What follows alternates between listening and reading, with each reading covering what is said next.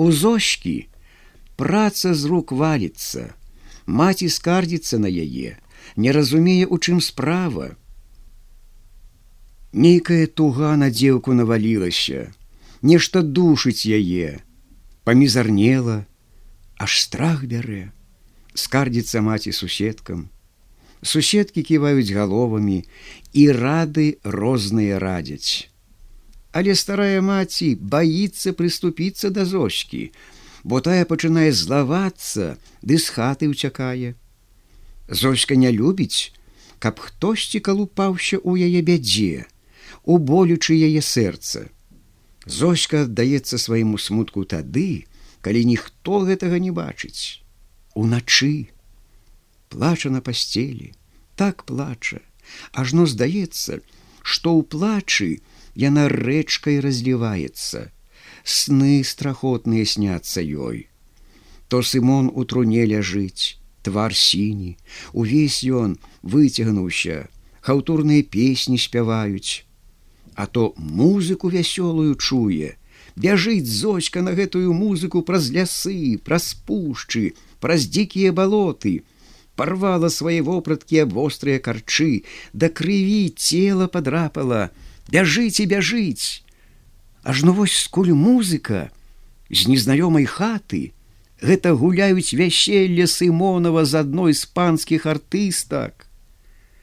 Зочка туліцца да сцяны і слухае.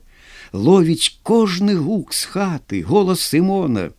Сымон адчувае яе блізкасць.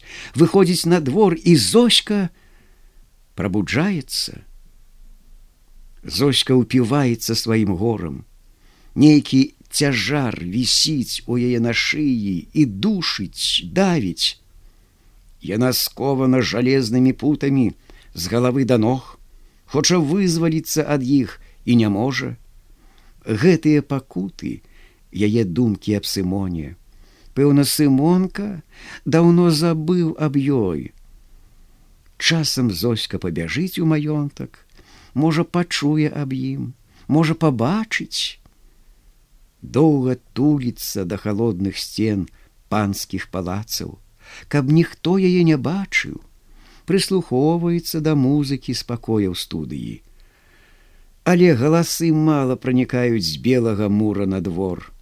Сымона няма, аб ім ні слуху, ні духу. Сэрца зоскі стукае моцна здаецца вось-вось вываліцца з грудзей. Перад вачыма кругі мітусяцца, вусны самі сабою шэпчуць: Сымонка, Сымонка, любы, дарагі.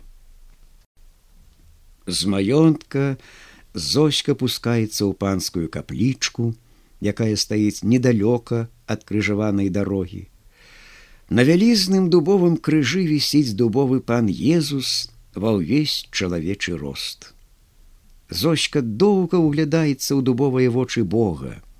Вецер, калыша Божых вартушок, цені мітусяцца на ўсім яго целе. І ёй здаецца, што ён жывы, зараз гаварыць пачне, Вово скажа ёй слова літасці.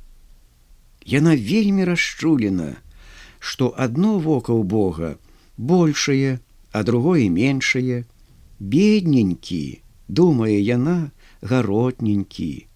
А можа у Бога так і павінна быць, з'яўляецца ў яе новая думка. Расце ў яе душы пашана да Бога, салодкі страх перад ім. Яна нікчэмнасць перад такім Богам з дубовымі ранамі, з дубовымі думкамі, і дубовай сілай. Зоська падае на калені, не адрываецца разгарачанымі, слязлівымі вачыма ад нязграбнай фігуры, шэпча тую малітву за мову, якой навучыла яе старая суседка. Святы Сымон, вялікія вочы, устань мне ў дзень як уночы, на небе крыж, На крыжы тры зарніцы, гэта родныя сястрыцы, адна прывара, другая прыпале, трэцяя прывяртае, прывярні Божа, раба Божага сымона, каб ён любіў мяне, каб ён не мог жыць без мяне, як рыба без вады, як мерац без зямлі, як дзіцё без грудзі. Ад такой дзівоснай малітвы ва ўсім целе зоскі разліваецца цяпло. Зоська выліла перад Богом сваё гора, патаемны смутак сэрца, ёй лягчэй, расцвітае надзея, упэўненасць. Яна варочаецца да хаты, выгаеная, вылечаная, нібы напілася цудадзейнага зелля. Некалькі дзён думкі яе купаюцца ў сонечных хвалях радасці. Сымонка не забыў яе, Яна хутка пабачыць яго. Але такі настрой цягнецца нядоўга. Мала памагаў пан Езус. Зоська пакрыўдзілася на яго, не хоча пакутваць, як ён, Яна ж не дубовая. Тады Зоська задумала пачаць справу з нячыстай сілай. Шаптух шмат па вёсках, іх многа ў карчме. Выняла Зоська з кубла кавалак палатна, гасцінец для шаптухі. Накінула на плечы кілім у клетках чырвоных і сініх, і выйшла з хаты. Была мяцеліца, Юда ў чыстым полі вяселля гульню ладзіў. Гурбы снегу перакідваліся з месца на месца невідочнымі вялізнымі шуфлямі. Пылілася снежная мука ад плота да плота. У чыстым полі бель бялугай мітусілася, чапляліся аб хмызнякі снежныя палотны, завісалі, на паадзіночных дрэвах.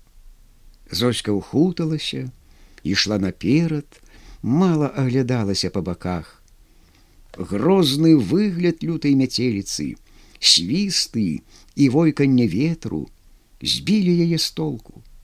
Яна самой сабе паказалася мізэрнай, маленечкай, нібы ягадка рабіна. Яна зледзянела ад ветру і сцюжы, застыглі яе думкі, мяцеліца выставіла насупраць сотні снежных лап і шаптала: Засні на маёй ледзяной пасцелі. Пад коўдрай снегу будуць табе сніцца лёгкія сны, белыя, нібы кужаль бялёны, нібы пані на кашуля гафтаваная. І не будзеш зочка, мець ні смутку, ні радасці і не будзеш крыўдзіцца на Бога ў панскай капліцы. Адну хвіліну Зоська думала кінуцца ў белую снежную гойдаўку. Няхай мяцеліцца яе навекі вечныя, засыпле, але хоць яшчэ разок пабачыць яго. А хто з равесніц вясну гукаць будзе? а хто купальскую кветачку шукаць будзе. У карчме стаяў нядзельны шум крык. Каля вялікай дубовай кованай жалезам кухвы, з гарэлкай з бровара панова шамірскага круціўся вярцеўся стары карчман лейба. Каля бочкі на тапчане стаялі розныя велічыні мядзяныя пасудзіны, гарнец, кварта, паўкварты і сотка. Здавалася, што гэта дзеткі вялізныя кухвы, якая толькі-толькі ацялілася. Лейба ў вопратцы старадаўняга жраца маліўся свайму адданаю. У часе малітвы ён з гасцямі сялянамі не гаварыў, аднак наліваў ім гарэлкі ў пасудзіны. Ён часам спыяў малітву, зварачаючыся да гуляк не словамі, а рознымі гукамі. Ну ну, огэ, у, ай, фе. Да гэтых невыразных гукаў дадавалася выразная інтанацыя і жэсты. Сяляне добра яго разумелі. І Аданай не крыўдзіўся, і панская гарэлка добра прадавалася, Сяляне рознага ўзросту і старыя бабы тупаліся вакол рыбакоў міхалкі і мэйера, якія нешта вясёлае склалі пад музыку вандроўнага дудара. Дай бог мэйер да нашага брата падобен гаварылі адны. Ды не гаварылі другія. У гэтых поглядах сяляне падзяляліся на дзве групы і ў п'яных настроях гатовы былі кулакамі бараніць свае словы. На шчасце ігра скончылася бо стары язэп які выпіў лішнюю чарку гарэлкі пачаў апавядаць аб тым, як яго анегды чэрці круцілі на выгане ўсю ноч. Ён і тады быў пад хмяльком, ехаў да хаты з карчмы пасля пахавання сына. Ён заснуў на санках, подцягнуўшы пад сябе правую лейцу так моцна, ажно конь галаву абярнуў направа і за ноч вялізны круг вытаптаў у снезе на выгане сяляне шчыра рагаталі над старым язэпам кажучы што гэта генеральная парапіца з панскіх пакояў круціла яго. Праўда? Дзівіўся язэп. І ў п'яных вачах яго відаць былі непакой і страх. Яшчэ добра што цэлы застаўся. Стары язэп абапёрся над брудным завэцганым гарэлкаю і закускай сталом і задумаўся аб сваім сыне, якога на тым тыдні пахаваў. Тая жаласлівасць да згінуўшага сына, якую ён стараўся утапіць у гарэлцы, цяпер выбухнула пад хмелем як вогнішча. Язэп хрыпылым ад гарэлкі голасам, пачынае расказваць усім аб смерці сына, як ён язэп, сынам для пана дровы сек у лесе, як подсеклі хвою, як ён крыкнуў сыну, каб той уцёк з-пад пня, як сын пусціўся на ўцёкі ўздоўж хвоі, якая зачапіла яго вершалінай па галаве, сын нават не крыкнуў. Старыя кабеціны сядзелі на лаве, утаропілі вочы адна ў адну і зачараваныя ад хмелю спявалі ківаючы галовамі ёсць у лузе каліна под калінай дзяўчына. Под калінай стаяла цвет каліну ламала расу косу часала. Под'ехаў к ёй дваранін скіріў каліну коня напаіў да дзяўчыны гаварыў. Чаго ж дзеўка тут стаіш? Двараніна не баеш. Чаго ж мне баяці под калінай стоячы?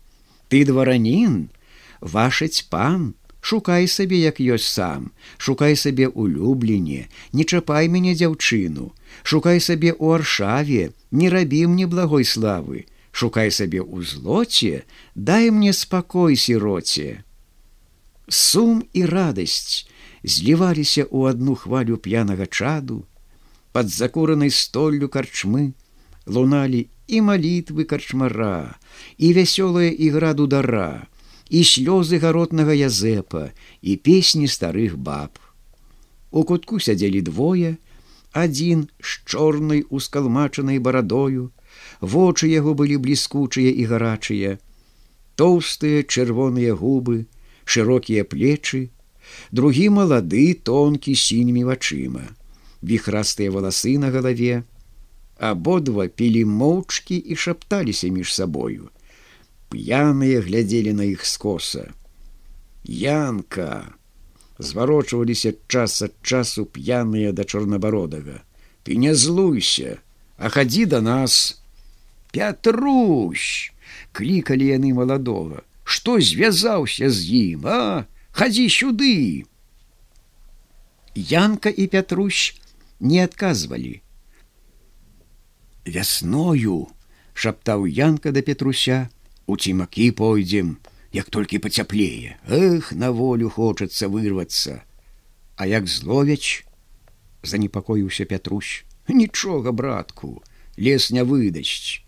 Харчоў дастанем у добрых людзей а там на ўкраіну павернем давольнага казацтва. У казакі запішемся. Ты ж там ужо быў. Чаго назад вярнуўся под панскі бізун?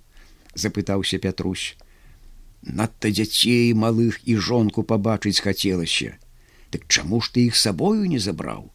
Нялёгка было. Сам як воўк па кустах хаваўся. А цяпер зноў іх пакінеш. Старэйшага сына з сабою возьму Дык ты пойдзеш з намі? Пойду не магу далей цярпець. То-то ж. У карчме быў такі шум што іхняй гутаркі ніхто не чуў. Ніхто не заўважыў як зоська ўсунулася ў хату. Яна стрэсла снег з вопраткі і прыкрытая тканінай да самых вачэй падышла да п'яных кабет пашапталася з адной і абагрэўшыся трохі выйшла з карчмы